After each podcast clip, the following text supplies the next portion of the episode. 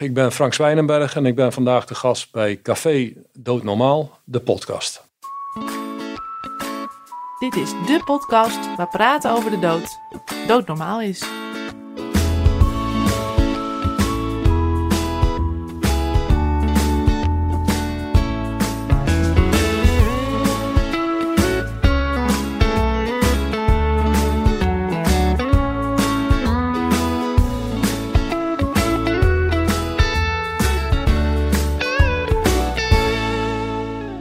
Vanuit een warm NCVE-kantoor heet ik je welkom bij weer een nieuwe aflevering van Café Doodnormaal, de podcast.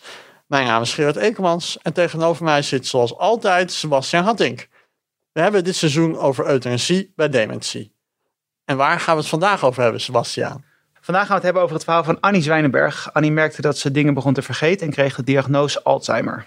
Toen zei ze tegen haar familie, ik weet wat mij te doen staat, ik wil graag euthanasie.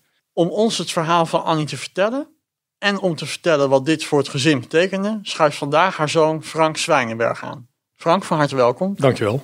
Frank, wat merkten jullie aan je moeder toen ze begon te ja, dementeren? Ja, dat was verschillend. Ehm, maar het begon eigenlijk met verhalen van mijn moeder. Dat ze dingen kwijt was. Nou ja, goed, dat kan gebeuren als je rond de 80 bent. Maar op een gegeven moment kwam er ook een verhaal dat ze haar autosleutels kwijt was. Dat ze ehm, haar rijbewijs kwijt was. Haar kentekenbewijs. Nou ja, dat is verdomd vervelend. En eh, nou ja, toen moest dus alles nieuw, opnieuw aangevraagd worden. Maar op een gegeven moment werd dat verhaal door haar versterkt door te vertellen dat haar buurvrouw binnen was geweest om dat weg te halen. Ja, en dan denk je van, hm, raar verhaal. Dus dat was eigenlijk al een eh, signaal waar we op dat moment niks mee hebben kunnen doen. Maar eh, een tweede signaal was, eh, we hadden een, eh, een appartement in Oostenrijk waar ze heel graag was, ook het grootste deel van het jaar. En dan reed ze nog vrolijk met haar rode Ferrari, Ford Fiesta, reed ze op en neer. Nou, ze woonde in Zuid-Limburg. daar was ze naartoe verhuisd om wat dichter bij mijn oudste zus te wonen voor de hulp. En toen kwam er een ehm, bekeuring binnen voor te hard rijden in Arnhem. Eh, precies op de dag dat ze terug was gekomen. Nou ja, toen hebben we dat, of heb ik dat aangegrepen, of mijn zus, weet ik niet meer precies. Maar zo van, wat, wat heb jij in Arnhem gedaan? Nou, daar ben ik nooit geweest. Nou, foto's opgevraagd, uh, nou, dat was wel degelijk. Gewoon helemaal de weg kwijt, letterlijk. Mhm. nou, en toen zijn we dat wat nauwer gaan volgen. En toen kwamen wat meer verhalen van, ja, ik word s'avonds als ik in de auto rijd gevolgd door, uh, nou ja, mensen in de lucht. Bleek later gewoon de maan geweest te zijn, maar ze zag dat licht. En, ja, en toen hebben we eens gezegd van nou, hè, eh, heb je zelf het idee dat het goed gaat? En ja hoor, er was niks aan de hand. En, en op enig moment zelfs de vraag gesteld van uh, misschien is het een goed idee, want we, hebben wat, wat, behoorlijk wat medici in de familie. En nou ja, de vraag daar is neergelegd. Nou ja, toch misschien maar eens uh, laten testen op dementie. En die vraag hebben we voorgelegd. Nou ja, de, ze ontplofte bijna. Van ben je nou helemaal gek? Ben toch niet gek? En dit en dat. Nou, dat was no go. En, uh, maar je zit er wel mee. Hè, van wat, wat, hoe kun je dit nou eh, een wending geven. Waardoor we toch met haar naar, of zij naar een arts kan gaan. En op een gegeven moment heb ik gezegd van nou, als je het nou laat testen, dan weet je misschien zeker dat je het niet hebt. Nou, en dat vond ze een goed idee. Dus nou ja, uiteindelijk is dat dus uh, de inleiding geweest voor het medisch onderzoek. En nou ja, met het resultaat dat ze toch wel uh, dementie had, Alzheimer. En als ik, um, en dan citeer ik een beetje wat op, je, op jouw website staat. Nou, daar schrok ze natuurlijk van. Ja. En toen eigenlijk vrij snel was het van, dan weet ik wat mij te doen staat. Ik wil graag euthanasie. Ja, nou ja, goed, er zit natuurlijk wel een tijd tussen, nee, alle onderzoeken. Maar, um, en wij waren als kinderen. Mijn, mijn jongste zus woont in Amerika, inmiddels in Canada. Maar die, wij waren er alle drie bij. Dus we zijn ook mee geweest naar de neuroloog voor de uitslag. En toen die dus vertelde, ja, ik, heb helaas de mededeling. Hè, u heeft de ziekte van Alzheimer. Nou, dat was natuurlijk, uh, dat sloeg behoorlijk in. Maar vrijwel direct, hè, het zal nog in 30 seconden geweest zijn. Toen zei ze, nou, dan weet ik wat me te doen staat. En dat was voor ons eigenlijk helemaal geen, uh, geen schok. Want mijn vader die is in uh, december 67 verongelukt in mijn auto-ongeluk. En niet kort of vrij kort daarna heeft zij voor zichzelf bepaald: als mij ooit zoiets zou overkomen. Mijn vader was op slag dood, dus geen behandeling verder. Maar dat is natuurlijk wel een, eh, een mogelijkheid als je in een zwaar ongeluk terechtkomt. Toen zei ze, ik wil niet behandeld worden, ik wil niet gereanimeerd worden. En zelfs, ik wil zelfs euthanasie als ik iets mankeer waardoor ik niet meer weet wie jullie zijn of wat ook. Nou ja, die mogelijkheden bestonden toen eigenlijk helemaal niet. Maar ze had het wel vastgelegd en dat had ze ook met ons besproken. Dus wij wisten vanaf, nou ja, zeg maar 1970 wel, als er iets gebeurt, en nou ja, dit was dan een van die dingen, dan was het voor haar wel duidelijk wat ze wilde. Dus zij schakelde ook heel snel van, oké, dan is het voor mij nu duidelijk wat er moet gebeuren. En degene die het meest schrok was denk ik de neuroloog, want die zei, nou mevrouw Zwijnenberg, maar hè, u kunt nog best een hele tijd voort en... ehm, en het is helemaal niet gezegd dat u gaat lijden. En dat, zou- nou. Toen zei ze, nou ja, dat is, dat is prima. Als u mij nu de garantie geeft dat ik een blije demente word, dan wil ik er vanaf zien. Ja, toen zeiden ja, dat kan ik niet. Nou, zei ze, dan weet ik wat me te doen staat. Punt. geen discussie. Nee. En voor ons was het ook geen discussie hoor. Ik bedoel, wij respecteren dat. Wij stonden er echt ook 100% achter. Omdat ze het ja, zo graag wilden dus het niet lijden. En niet zozeer dat ze dood wilden, want dat was natuurlijk helemaal niet. Maar het niet lijden. En, en, en vooral niet dat ze. Zij zei dan. Het zou, ik zou het vreselijk vinden als jij bij mij komt en ik zeg dag meneer. En ik herken je niet meer. Nou zegt ze, dat wil ik jullie niet aandoen. En mezelf niet. Dus ja, dat was heel snel eh, beslist. En die acceptatie kwam dus nu heel snel, als ik begrijp. Maar was die er ook al toen ze voor het eerst over begon in de jaren zeventig? Ja, want voor ons was dat natuurlijk zo ver weg en, en, en ja, misschien zelfs niet realistisch. Eh, wel met in het achterhoofd van wat er met onze vader was gebeurd. Dus dan snap je wel van, eh, ja, het kan gebeuren, maar ja, daar sta je eigenlijk heel ei- weinig bij stil. Dat het op enig moment heel reëel kan worden, maar je went wel aan het idee. Dat, dat scheelt wel. En dat werd ook eh, bij tijd en welle wel steeds besproken eh, aan tafel en bij bezoeken.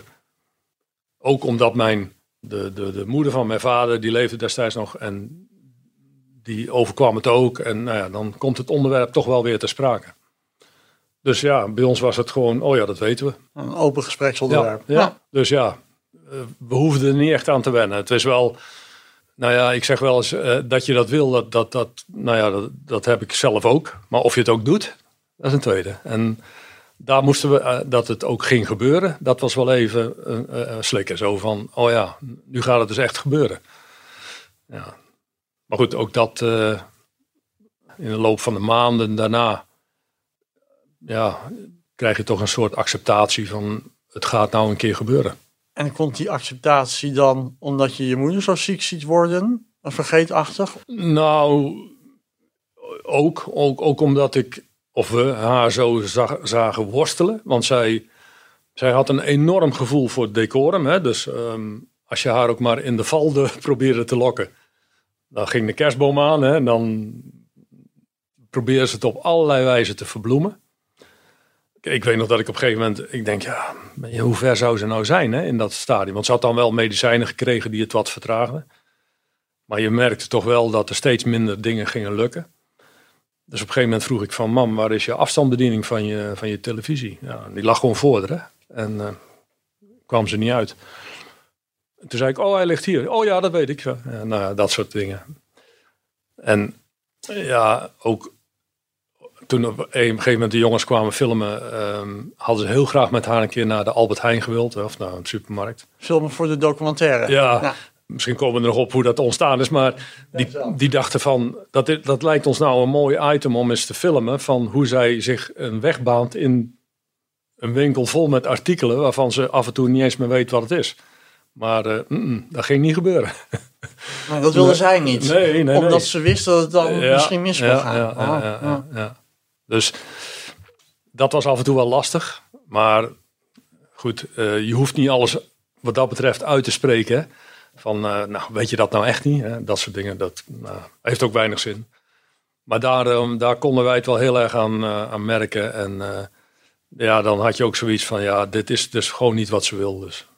Want er is een hele mooie documentaire over gemaakt. Die heet Voor het te laat is. Dus voor de luisteraars zeker aan te raden om te kijken. En hij staat nog op tweedok volgens mij. Ja, ja. Ehm, wanneer kwam dat op jullie pad? Ja, dat was een, eh, een, een mooie samenloop van, van eigenlijk toevalligheden. Want eh, nou ja, je, als je de wens hebt uitgesproken dat je die euthanasie wil, zul je ook een arts moeten vinden die het uitvoert. En er komt een scanarts langs. In dit geval was dat Constance de Vries. Nou, ontzettend goede klik. Wij ook, maar mijn moeder zeker. En die werd gevolgd door de twee heren die de documentaire maakten. Dus de, de documentaire was om het werk van een scanarts in beeld te brengen. Maar die waren na twee keer filmen eigenlijk klaar. Maar die waren zo onder de indruk dat ze de vraag bij mijn moeder neergelegd hebben van zouden wij door mogen filmen? Nou ja, zei mijn moeder, dat wil ik met mijn kinderen bespreken. Dus dat hebben wij toen gedaan. En ja, wij waren eigenlijk alle drie zo van, ja, dit is zo'n onderwerp wat je wel hoort, maar nooit ziet. Dus ja, waarom niet? Nou, en toen zei ze, oké, nou prima.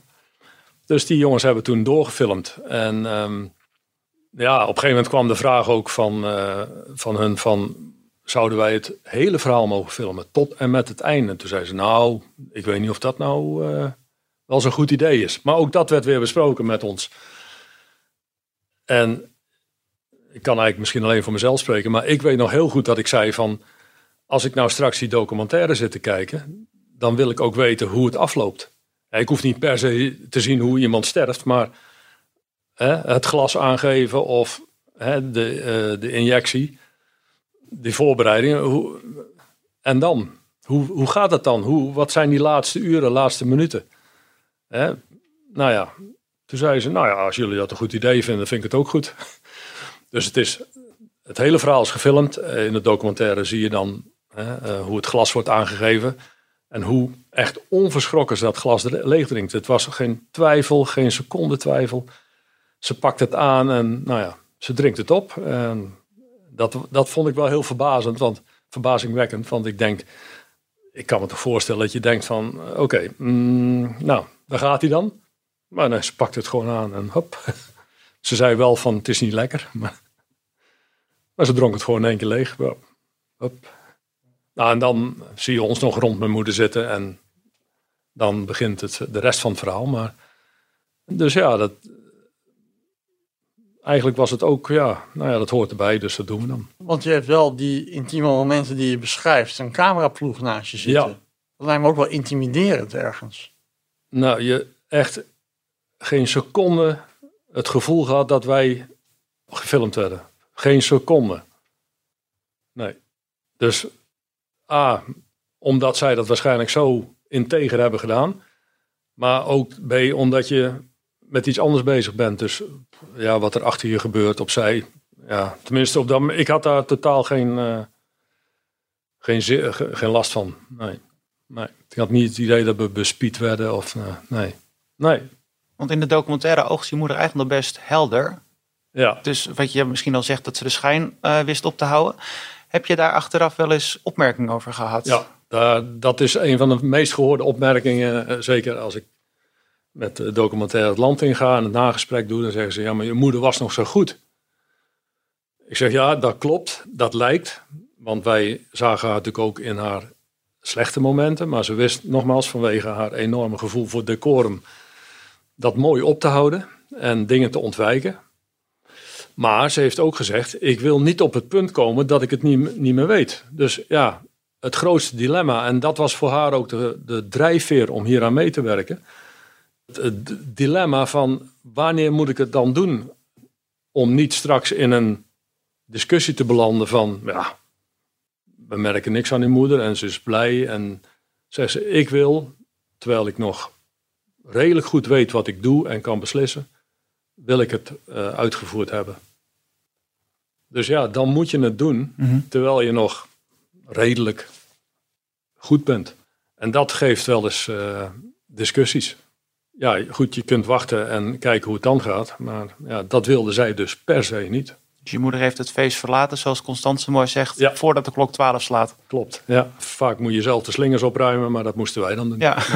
ja. En als we nou een paar stappen teruggaan. Je moeder eh, heeft aangegeven, ik wil, zou euthanasie eh, willen. Hoe gingen die gesprekken met, de met de huisarts? In eerste instantie gingen die, die goed. Die, die huisarts die zei, ik wil daar wel aan meewerken. Maar die is op enig moment, ehm, na een maand of twee, is die afgehaakt. Die zei, nee, ik, ik kan het echt niet. Ik, ja, het voelde voor hem niet goed. Nou ja, goed, dat is prima. Ehm, hè, dat, dat is iedere huisarts, uh, iedere arts mag dat natuurlijk zelf beslissen. Het is ook geen recht, hè. Dus, ja. Maar ik kan me wel voorstellen dat iets met, met je moeder en met jullie dat, deed. Ja, want die uh, schoot toch lichtelijk in de paniek van en nu? Nou, mijn oudste zus die werkte in, in het ziekenhuis in Sittard Geleen. En die sprak heel vaak de neuroloog van mijn moeder, want ze zaten op, bijna op dezelfde afdeling. En, um, en toen zei die spontaan van, nou weet je, dan uh, doe ik het wel. Want ik vind, jullie moeder die heeft zo'n uitgesproken mening en kan het zo goed onderbouwen. Uh, ik doe het. Dus die heeft toen, uh, nou goed, een gesprek gehad met Constans en nou, begeleid door Constans. Daarom zie je in de documentaire ook hem als hè, degene die het uitvoert en Constance erbij. Dat is niet, niet gebruikelijk. Uh, maar hij had daar speciaal om gevraagd. Hij zegt, ja, het is mijn eerste keer. Overigens ook zijn laatste keer, want daarna zei hij, ik doe het nooit meer. Want ik vind het toch, ja, het doet me wel wat. Maar die, uh, dus die heeft toen gezegd van, nou, dan uh, help ik. En dat vind ik zo mooi, ook als je in de documentaire het vraaggesprek met Constance de Vries in de auto He, dan wordt de vraag gesteld van, uh, maar een arts dient toch mensen beter te maken, te helpen. En dan zegt ze, ja, maar je kunt niet iedereen beter maken. En ik vind dat je als arts moet je helpen. En dit is een vorm van helpen. En sommige artsen zien dat natuurlijk uh, in de ethiek dat dat niet kan. Maar zeggen ze, ja, ik denk er anders over. Dus ja. Nou ja, dat vond dus de neuroloog ook. En uh, nou, die heeft toen uiteindelijk de euthanasie uitgevoerd. Tenminste, het drankje klaargemaakt en aangereikt. Want dat was ook iets wat mijn moeder per se wilde. Geen spuit, ik doe het zelf. Ik wil daar niemand mee belasten. Het is mijn beslissing, mijn wens. Dus ik drink het drankje en geen spuit. Ja, zo was zij. En ging het ook zo met de datum? Was dat ook meteen helder? Dat was het grootste struikelblok. Ik, wat ik net al zei, hè, het, het willen en het doen, dat zijn twee verschillende dingen. Ik roep ook altijd, ik zou dat ook willen, maar of ik ooit zo moedig ben om het te doen, dat weet ik niet.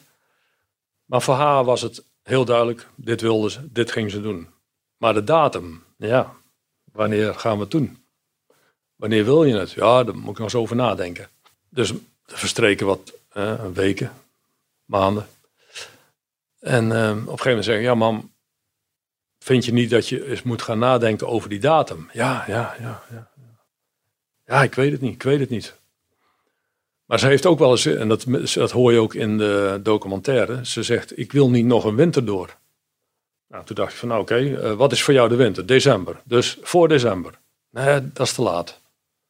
Want dan, is, dan ben ik weer jarig en dan krijgen we kerstmis. Nee, voor december. Oh, november. Nee, want dan ben jij jarig. Oké, um, voor, voor november. Ja, oktober of zo. Of september, augustus. Nee, nee, oktober. Dat lijkt me. Nou ja, zo kwamen we uiteindelijk op de maand. En dan nog de dag. Nou ja, goed, die wordt dan een beetje gegeven, de beschikbaarheid van de artsen. Maar uiteindelijk kwamen we zo op de datum. Maar dat was wel even. Uh, ja, want dan ligt het vast. Hè? Dan weet je ook, oké, dan, dan gaat het dus gebeuren. En, maar goed, op een gegeven moment, toen dat eenmaal gedaan was. Toen kwam er een rust in mijn moeder. En um, ja, op zich was dat, was dat goed. Zo van, oké, nou weet ik het. En hè, ondanks natuurlijk dat, uh, dat ze een seconde voor de uitvoering nog gaan zeggen, oké, ik doe het niet. Hè, dat, dat was wel heel duidelijk. Dat werd ook constant door Constance en door, door uh, Peter van Domburg, de neuroloog, gezegd. En door, door ons. Nee, nee, nee, nee, nee. Doe ik niet. Vol overtuiging. Ja. En hoe ziet, dan, hoe ziet zo'n laatste periode eruit? Voor ja. jullie, voor haar? Als ik voor mezelf spreek, en ik denk ook namens mijn zussen, prachtig. Kijk, mijn vader verongelukt, dus die gaat s'morgens weg, komt nooit meer terug. En dan zit je met zoveel vragen, ondanks dat ik net 13 was. Maar um, nu kon je alles bedenken en zeggen: Oké, dat wil ik nog een keer vragen en bespreken. En dat kon ook. En dat was ook zo mooi omdat dat in de jaren daarvoor soms, mijn moeder die had een mening en nou, dat was niet alles bespreekbaar. Hè, want, want zo is het, punt. En nu was dat in één keer totaal anders. Dus vragen die je had bespreken, kreeg je antwoord op van haar kant. Dus ja, heel dierbaar dat we dat nog hebben kunnen doen. En zelfs de laatste avond was gewoon een feest. Hoewel we ook gehuild hebben, maar ehm, met hè, het besef van morgen. Maar we, hebben, we hadden in uh, Château Neercanne hadden we een, een, een ruimtetje met z'n met z'n allen. En nou, we hebben daar, we zijn om zeven uur aan tafel gegaan en om twaalf uur van tafel. Ja, het, was, het was gewoon, ja, het was geen uh, droefenis. Dus ja, het was echt, ja, oké, nou, dat was het. Proost, smakelijk. En uh, mijn moeder was niet zo'n drinker, maar toen zei ze, nou, ik lust nog wel een uh, cognacje. En dus het, ja, dat was, was echt mooi. Heel erg mooi, ja. De nacht was wat minder voor ons en voor haar ook. Je slaapt ook bijna niet, maar... Maar goed, de volgende ochtend, de dag van de uitvoering, ja, dan zit je een beetje naar elkaar uh, te kijken en een koffie te drinken en uh, nou ja, nog wat, wat dingen vragen. Maar je zit eigenlijk wel te wachten dan op het moment dat de ambulancebroeder komt. Om nou, die zetten dan de naald en dan even later komen de artsen. En we hadden afgesproken twee uur. En ze waren er om kwart over één, dus wat dingen klaargemaakt. En toen zei Constance, wat willen jullie? Hè? Ja, toen zeiden we ook van ja, we hebben eigenlijk nou alles besproken, alles gezegd en nog een half uur naar elkaar gaan zitten kijken. Ja, maar goed, het is aan mijn moeder. Het was oh nee hoor, maak maar klaar. En uh, dat was het. Ja, heel bijzonder. Het blijft natuurlijk droevig, hè, want liefst uh, gebeurt het niet. Maar dat het ja, op deze manier is gegaan was ja, fantastisch. Als ik voor mezelf spreek, maar mijn zussen ook, ja. Want ik heb nog, nog, nog steeds wel dat ik denk van, goh, hoe zou mijn vader dat nou vinden? Maar dat kun je dan niet meer, dat kun je niet vragen. Maar bij haar, ja, goed, er zijn nog wel eens dingen dat je denkt, ach, dat had ik ook nog moeten vragen. Maar echt voor de meeste dingen, die vragen die ik had vanuit het verleden, die zijn beantwoord. Dus ja, mooi. Misschien een hele gekke vraag. Maar was in die zin het overlijden, het plotselinge overlijden van je vader, een soort voorbereiding op het geplande overlijden van je moeder. Als in, je bent met heel wat, dus ze ging het zelf met heel veel vragen achtergebleven. Ja. Had je die in je hoofd op het moment voor het overlijden van je moeder? Uh, nou, ik realiseerde heel goed dat uh, dit de kans was om me vragen te stellen. En ik weet, mijn vrouw, die, uh, haar vader is overleden, daar zijn wij bij geweest, maar of niet bij het overlijden. Maar die is op een gegeven moment gescheiden van de moeder en nou ja, een beetje uit beeld verdwenen. En op enig moment werd er via via contact opgenomen van ik wil mijn dochters nog een keer zien. En haar eerste reactie van mijn vrouw dus, die was van ja, ik heb hem nou, ik weet niet hoe lang niet gezien en nooit iets van hem gehoord. Het is wel goed. Toen heb ik ook tegen haar gezegd, het blijft jouw beslissing. Als jij zegt ik wil het niet, prima. Maar realiseer je, als je vragen hebt, je kunt ze nu nog stellen, hè? straks niet meer. Want hij was ongeneeslijk ziek. Nou, uiteindelijk is ze er naartoe gegaan en ja, daar is ze zo blij om. Ja, ook al ja, zijn het misschien antwoorden die je liever niet hoort, maar je hebt ze wel kunnen stellen, die vragen. En nou, oké, je hebt antwoord gekregen. Dus ja, dat was wel. Uh, dus dat heb ik wel meegenomen van realiseer je dat. Hè? Kijk, en heb je nog gezonde ouders van haas of uh, uh, aarzel niet om vragen te stellen hè? en denk van oh, dat komt wel een keer. Een tip voor iedereen. Ja, dat denk ik wel, ja. Maar goed, dat moet ik iedereen voor zichzelf weten. Maar ja, dat heb ik er wel uit geleerd, ja. ja. Kijk, en voor mijn moeder was natuurlijk dat ongeluk wel een reden om te zeggen... oké, dus als het, wat ik zo straks al zei, van als het ooit zover komt... ik wil dat niet, dus... En dan hoor je vaak bij uh, dementie dat het heel moeilijk is om het ondraaglijk lijden uh, nou ja, te beschrijven of te, te zien of te kunnen meten. Ja. Um, hoe zou jij het ondraaglijk lijden van je moeder omschrijven? Nou, mijn moeder die was heel erg geïnteresseerd in alles van een beetje wat er in de wereld gebeurde. En ze las heel veel, dat ging gewoon niet meer. Het volgen van televisie, actualiteitenprogramma's, praatprogramma's, dat ging niet meer. Ze zat er wel, maar snapte niet meer helemaal goed wat er gezegd werd. En dat vond ze verschrikkelijk. Dat ze hè, een boek lezen, dat eh, de, de letters voor haar ogen dansten en dat ze niet begreep wat er stond. En, en niet begreep wat er gezegd werd, dat vond ze verschrikkelijk. Maar dat ze anderhalf, twee uur bezig was om zich aan te kleden. Van, hè, doe je nou eerst een, een trui aan of eerst je ondergoed? En, nou ja, en dat, dat, ja, dat was moeilijk voor haar, heel erg moeilijk. Maar goed, ook het herkennen van mensen. Hè, ehm, dat ze ons niet meer zou herkennen, dat, dat vond ze verschrikkelijk als dat zou gebeuren. Had ze dat ook zo opgeschreven in een wilsverklaring? Die wilsverklaring die, die, hè, die dateert bijna van nou, 1970 of zo. En die map die, eh, die, die kenden wij, want er stond op niet openen voor mijn dood. Nou, wat doe je dan als kind? Dan maak je hem open. hij zat ook niet, hij was niet verzegeld of zo. En nou, dan lees je dat en denk je zo. Oeh. Maar daar had ze inderdaad alles in beschreven, van het kastplantje tot, nou ja. En ehm, wat er uiteindelijk, of deze verklaring ook meegegaan is naar de artsen, dat weet ik niet. Eh, daar zijn we natuurlijk niet bij, dat mocht ook niet, hè, want mag natuurlijk van geen enkele beïnvloeding uh, sprake zijn. Maar ze wist het goed te verwoorden, dus ik... En, en goed, dat zei Constance ook. Hè.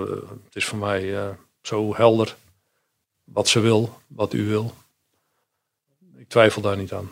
En in het geval van jouw moeder was een wilsverklaring natuurlijk ook niet nodig, omdat ze zichzelf nog kon uiten. Ja, maar ze had het wel opgeschreven. Ja, tuurlijk. Dus, ja, ja. Ja, in het geval Ja. van een kastplantje of zo is een Ja, wilsverklaring ja. wel nodig. Ja. Ja. Dus die, die, die verklaringen lagen er allemaal. Dus, eh, ja. Als je nou ehm, vanuit eigen ervaring kijkt naar hoe het helemaal is gelopen, zou er dan iets zijn aan de euthanasiepraktijk in Nederland wat je zou willen veranderen? Ik denk dat wij, nou goed, dat hoor ik ook van journalisten die om een interview vragen vanuit, het buitenland. Hè? Die zeggen ook van, het is een zegen wat jullie hebben. Nou, nou zal het misschien op punten en komma's, ik, bedoel, ik ken de wet niet uit mijn hoofd, maar beter kunnen.